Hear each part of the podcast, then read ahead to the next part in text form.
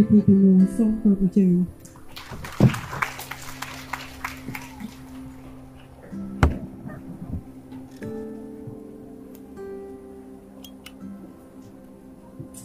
បាទសូមគោរពសូមថ្វាយបង្គំព្រះធរៈធរៈគ្រប់ព្រះអង្គសូមគោរពអាដាមវិទ្យាអ្នកដីលោកគ្រូអ្នកគ្រូលោកលោកស្រីជាប្រធានលោកប្រធានមន្ទីរអប់រំយុវជនកីឡា និងមួយមួយសន្និសីទទាំងអស់ជាទីមេត្រីហើយនេះខ្ញុំមានបេតិសោមរីវីដែលបានមកចូលរួមនៅក្នុងពិធីប្រកាសសាលាធម្មសាចតុមុខជាសាលារៀនគំរូក្នុងការអនុវត្តសុខភាពសិក្សាពេញលេញដែលជាកម្មវិធីមួយដ៏សំខាន់របស់ក្រសួងអប់រំយុវជនកីឡាហើយនៅក្នុងបរិបទ Covid នេះគឺជាអធិភាពមួយផងដែររបស់ក្រសួង ហើយដោយឯកឧត្តមលោកជំទាវអនុលោកស្រីជិតស្រាប់ហើយនៅក្នុងបរិបទ Covid នេះសុខភាពសិក្សាគឺជាអធិភាពយ៉ាងចម្បងហើយយើងឃើញថាការបង្កើតនៅកម្រងថ្មីក្នុងវិស័យអប់រំគឺមានសមាជិកសំខាន់សំខាន់ចំនួន3ទី1គឺការធានាសុខភាពរបស់បុគ្គលិកអប់រំក៏ដូចជារបស់សិស្សានុសិស្សនិងនិស្សិតទី2គឺការរៀបចំ ការរៀនសូត្រទៅតាមកម្មវិធីបែបបង្រួញដើម្បីធានាឲ្យបាននៅការលើកកម្ពស់គម្លាតសង្គមនៅក្នុងការអប់រំរបស់យើងហើយជាពិសេសគឺការរៀបចំឲ្យមានការរៀនសូត្របន្តនេះឯងគឺការរៀនសូត្រនៅក្នុងថ្នាក់រៀនដោយ កំណត់នៅនិយមបាទមិនលើសពី35 40នាក់ទេក្នុងថ្នាក់នីមួយៗដើម្បីអាចឲ្យយើងធានាបាននៅការបន្តការសិក្សារៀនសូត្រប្រកបដោយសុខភាពនិងសមាជិកទី3គឺការលើកកម្ពស់ការអប់រំ digital គឺការថតនៅវីដេអូបង្រៀនផ្សេងផ្សេងដើម្បីចែកចាយតាមប្រព័ន្ធអេឡិចត្រូនិក ការបង្កើតនៅប្រព័ន្ធរៀនសូត្រអេឡិចត្រូនិកដោយប្រើប្រាស់គ្រប់បណ្ដាញសង្គមដូចជា Facebook YouTube បាទក៏ដូចជាប្រព័ន្ធ e-learning របស់ក្រសួងជាដើមដើម្បីផ្ដល់ឱកាសឲ្យសិស្សានុសិស្សអាចធ្វើស្វ័យសិក្សាក៏ដូចជាអនុវត្តនៅវិធីសាស្ត្របង្រៀនតាមបែបចម្រុះខ្ញុំសូមជាឱកាសនេះវិលំឡៃខ្ពស់ចំពោះមន្ត្រីអប់រំគ្រប់លំដាប់ថ្នាក់ ដែលបានចូលរួមចំណែកនៅក្នុងការបង្ការទប់ស្កាត់នៅជំងឺ Covid នេះក្រោមការដឹកនាំរបស់សម្ដេចនាយកនាយករដ្ឋមន្ត្រីដូច្នេះដោយយើងអនុវត្តបានយ៉ាងម៉ឺងម៉ាត់នៅបទដ្ឋានដែលសម្ដេចនាយកនាយករដ្ឋមន្ត្រីបានដាក់ចេញនៅក្នុងការម៉ឺងម៉ាត់នានា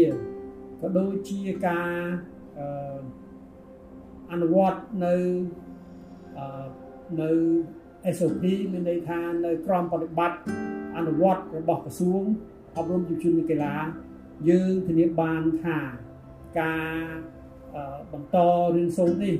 នឹងជួយចូលរួមចំណែកនៅក្នុងការទប់ស្កាត់កុំឲ្យជំងឺចូល COVID នេះ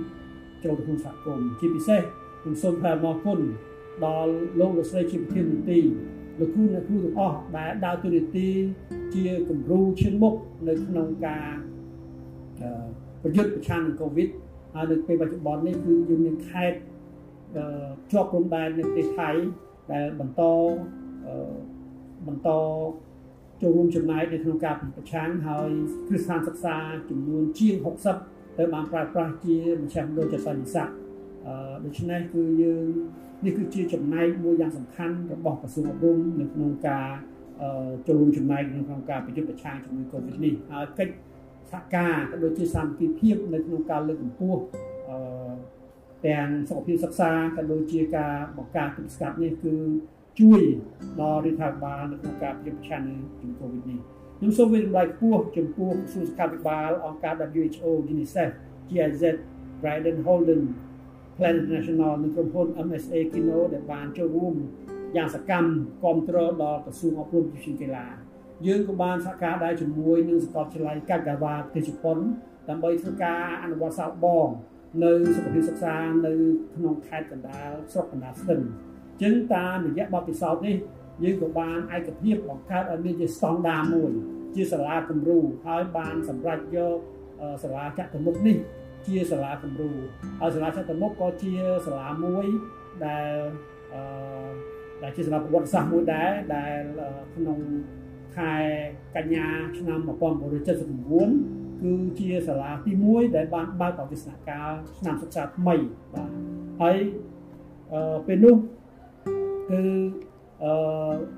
ខ្ញុំក៏បាននៅពេលនោះគឺខ្ញុំក៏បានចូលរួមនៅក្នុងការបោសសម្អាតសាលាដែរកាលពី42ឆ្នាំមុនគឺបន្ទាប់ពីបានចូលអឺចូលទីក្រុងភ្នំពេញនៅអំឡុងខែ មីនាបាទហើយមកចូលឆ្នាំលើកទី1ក្រោយសម័យប៉ុលពតនៅទីក្រុងភ្នំពេញនេះបាទក្រមយុវជននៃក្រសួងអប់រំយុវជននិងកីឡាក៏បានដើរបោសសម្អាតសាលាហើយសាលាចតុមុខនេះដែលពេលនោះមានឈ្មោះថាសាលាកុមារីត្រូវបានជ្រើសរើសជាសាលាទី1ដែលត្រូវរៀបចំឲ្យដំណើរការឡើងវិញហើយពេលនោះគឺសាលានេះគឺត្រូវបានប្រើប្រាស់ជាឃ្លាំងទុកអីវ៉ាន់ដែលយកមកពី បាទពីបរមព្រះបរមរាជវាំងបាទដែលមានជាគ្រឿងផ្សេងផ្សេងពីព្រះបរមរាជវាំងមកយកដាក់ទីនេះអញ្ចឹងគឺក្រមកុមារក្រុមយុវជនពេលនោះក៏បានបោសសម្អាតសាលាហើយរៀបចំឲ្យដំណើរការលើកទី1បាទជាសាលាលើកទី1ដែលដំណើរការនៅក្នុងប្រទេសកម្ពុជា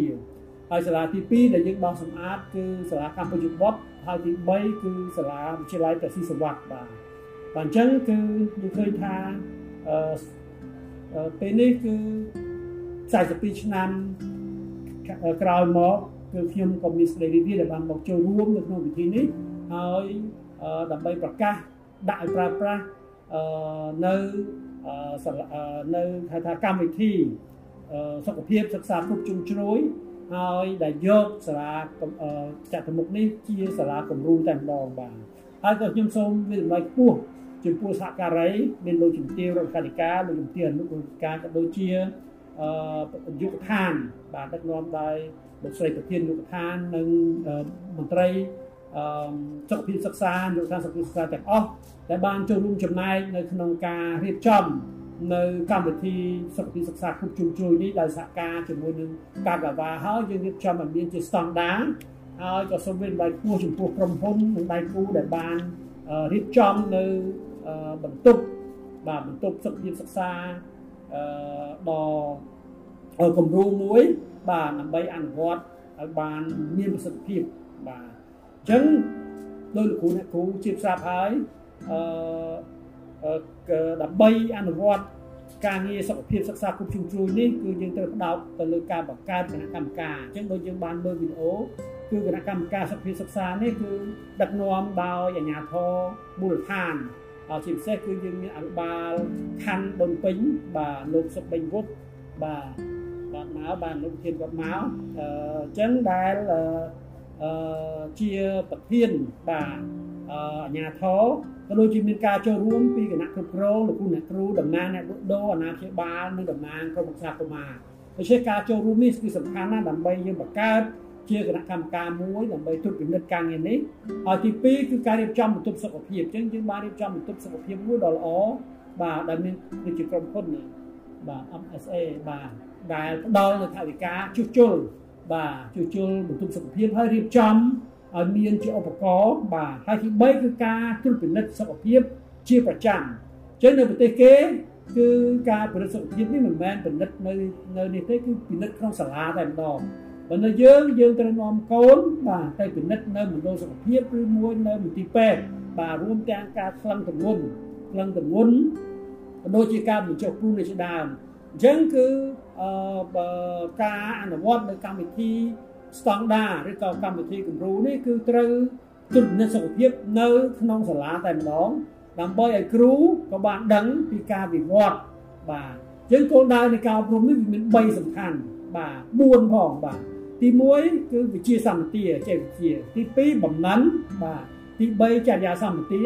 ហើយទី4គឺកាយសម្បទានឹងចឹងវាមានតំណែងដំណងយ៉ាងជិតស្និទ្ធរវាងការវិវត្តកាយសម្បទានិងបំណិនសម្បទាចរិយាសម្បទានិងអឺនិងវិជាសម្បទាបាទចឹងបើសិនជាក្មេងដែលមានជំងឺបាទមានកាយសម្បទាមិនបានរឹងមាំគឺมันអាចរៀនសូត្រប្រកែបានទេតែឈឺច្រើន វានឹងប៉ះពាល់ទៅដល់ការវិវត្តខួរក្បាលអភិវឌ្ឍខួរក្បាលហើយនឹងធ្វើឲ្យក្មេងហ្នឹងគឺរៀនមិនប្រកែទេដូច្នេះការយកចិត្តទុកដាក់ទៅលើការថ្លឹងទម្ងន់បាទក៏ដូចជាការយកទុកដាក់ទៅលើការបញ្ចុះអឺព្រូនក្តីឬក៏ផ្ដល់នៅឆ្នាំសង្កលការចាក់ឆ្នាំបង្ការផ្សេងផ្សេងនេះគឺជាកត្តាសំខាន់ណាស់នៅក្នុងការរៀនសូត្របាទអឺ ជាពិសេសគឺយើងមានការវាស់កំហើញទៀតបាទដោយសារក្មេងខ្លះមានបញ្ហាខាងផ្នែកកំហើញមើលមិនសូវឃើញស្ដាប់មិនសូវឮគឺនៅពេលនេះហើយដែលយើងអាចជួយគ្រប់គ្រងបាទគឺយើងត្រូវកំណត់អត្តសញ្ញាណសិស្សឲ្យបានមុនដើម្បីយើងជួយគ្រប់គ្រងផ្ដល់វ៉ែនតាក៏ដូចជាផ្ដល់ឧបករណ៍ផ្សេងផ្សេងដើម្បីជួយគ្រប់គ្រងហើយការផ្ដល់ថ្នាំទម្លាក់គ្រូទៀងទាត់ពីរដងក្នុងមួយឆ្នាំនេះ ក៏ចូលរួមក្នុងការកាត់បន្ថយអឺហានិភ័យនៃជំងឺឆ្លងបាទដែលអាចឆ្លងទៅសិស្សផ្សេងទៀតក៏ដូចជាអឺលើកកម្ពស់សុខភាពរបស់សិស្សផងដែរទី5គឺការលើកកម្ពស់សុខភាពចំណីអាហារខ្ញុំក៏សូមថ្លែងអំណរគុណដែរដល់ដល់ដៃគូក្រុមហ៊ុនបាទ M MS MSA Kino ក៏ដូចជានាយកដ្ឋានសុខភាពសិក្សាដែលបានអឺនាយកដ្ឋានបានរៀបចំជាគោលនយោបាយសុខភាពសិក្សា ហើយមួយខែមុនកូវីដហ្នឹងគឺយើងបានប្រកាសអនុវត្តអញ្ចឹងគឺយើងមានការជួយគ្រប់គ្រងរបស់ក្រុមហ៊ុនបានអនុវត្តនៅតាមសាលាមួយចំនួនហើយបាទអញ្ចឹងគឺយើងបានលើកកម្ពស់អនាម័យនៅតាមគ្រឹះស្ថានសិក្សាដូចជាការលាងដៃជាដើមដូច្នេះនៅពេលដែលខ្ញុំក៏សូមជឿឱកាសនេះថ្លែងអំណរគុណដល់លោកគ្រូអ្នកគ្រូទាំងអស់ក៏ដូចជាមន្ត្រីអប់រំយើងទាំងលោកលោកស្រីជា ថ្នាក់ដឹកនាំក្រសួងបាទយុគថ្នាក់ដឹកនាំយុគឋានមន្ត្រីយុគឋានសុខភាពសិក្សាក៏ដូចជាលោកលោកស្រីជាប្រធានអនុប្រធានមន្ទីរនិងបុគ្គលិកអប់រំទាំងអស់ដែលជួយបាទផ្សព្វផ្សាយនិងបើកយុទ្ធនាការលាងសម្អាតដៃលើកកម្ពស់សុវត្ថិភាពអនាម័យនៅតាមគ្រឹះស្ថានសិក្សា និងសុវត្ថិភាពចំណីអាហារបាទគឺយើងបានកំណត់ថាទី1 ចំណីអាហារ6ប្រភេទដែលហាមឃាត់ដែលផ្អែមខ្លាំងប្រៃខ្លាំងនិងមានខ្លាញ់ខ្លាំងហ្នឹងបាទនិងទី2គឺការបង្កើតឲ្យមានកន្លែងលាងដៃហើយឲ្យមានចលនាលាងដៃឲ្យបានញឹកញាប់និងធានានៅអនាម័យនៅតាមគ្រឹះស្ថានសិក្សាអញ្ចឹងមុនពេលដែលយើងមានកូវីដនៅផ្ទុះនៅនៅកម្ពុជានេះគឺយើងបានអនុវត្តនៅយុទ្ធនាការនេះបានមួយខែមុន បាទបានមួយខែមុនអញ្ចឹងក៏ចូលរួមចំណាយដែរនៅក្នុងកាត់បន្ថយហានិភ័យហើយដើម្បីឲ្យសិស្សនឹងដឹងបាទពីអឺតម្រូវការនៅក្នុងការលេងដៃឲ្យបានញឹកញាប់នៅក្នុងការធានានៅកុំឲ្យឆ្លងជំងឺ Covid នេះដែរបាទដូច្នេះការលើកកម្ពស់ទឹកស្អាតនិងអនាម័យនេះគឺជាកត្តាមួយសំខាន់បាទហើយទី7គឺការលើកកម្ពស់សន្តិសុខសម្រាប់ធ្នាប់បាទដើម្បីកាត់ដើម្បីធ្វើកុំឲ្យមានបញ្ហា ផ្សេងផ្សេងពាក់ព័ន្ធជាមួយនឹងការលើកអឺគេថាការរំលោភបំពានផ្សេងផ្សេងទៅលើកុមារផងក៏ដូចជាការទៅធានាបាននូវសុវត្ថិភាពទាំងផ្លូវកាយនិងផ្លូវចិត្តបាទរបស់កុមារអឺទី8គឺការអនុវត្តមុខវិជ្ជាអប់រំសុខភាពដែលយើងអឺមានបញ្ចូលនៅក្នុងកម្មវិធីសិក្សានៅទី9បំណិនសុខភាពបាទ10 ការហាត់ប្រាណនិង11គឺការចូលរួមដូច្នេះការចូលរួមរបស់មេដាបិតាចូលរួមរបស់អាជ្ញាធរមូលដ្ឋានក៏ដូចជាការចូលរួមអឺរបស់សិស្សានុសិស្សលោកគ្រូអ្នកគ្រូនេះគឺដើរតួនាទីយ៉ាងសំខាន់នៅក្នុងបរិបទ COVID នេះហើយឥឡូវនេះគឺយើងប្រកាសដល់ឲ្យប្រាក់សាលាបឋមសាស្ត្រចតុមុខជាសាលាគំរូបានក្នុងការអនុវត្តកម្មវិធីសុខភាពសិក្សាគ្រប់ជ្រុងជ្រោយ ខ្ញុំសូមស្នើសុំឲ្យគ្រប់ខេត្តទាំងអស់បាទបង្កើតសាលាគំរូនេះផងដែរមួយមួយអឺហើយដូច្នេះបានយើងអញ្ជើញលោកលោកស្រីជាប្រធាននិងប្រធានមន្ត្រីនឹងចូលរួមនៅក្នុងកម្មវិធីនេះហើយទៅពិនិត្យមើលបាទនៅកន្លែងណាដែលយើងអាចធ្វើបានគឺយើងបង្កើតជាហៅថាសាលាបន្ទប់សុខភាពហើយបាទហើយរៀបចំកម្មវិធីនេះបាទដោយរៀនសូត្រពីគំរូរបស់យើងនៅ សាលាចតុមុខនេះហើយនឹងដាក់អនុវត្តនៅកន្លែងផ្សេងផ្សេងទៀតបាទកន្លែងផ្សេងផ្សេងទៀតសាលាផ្សេងផ្សេងទៀតគ្រប់កម្រិតទាំងបឋម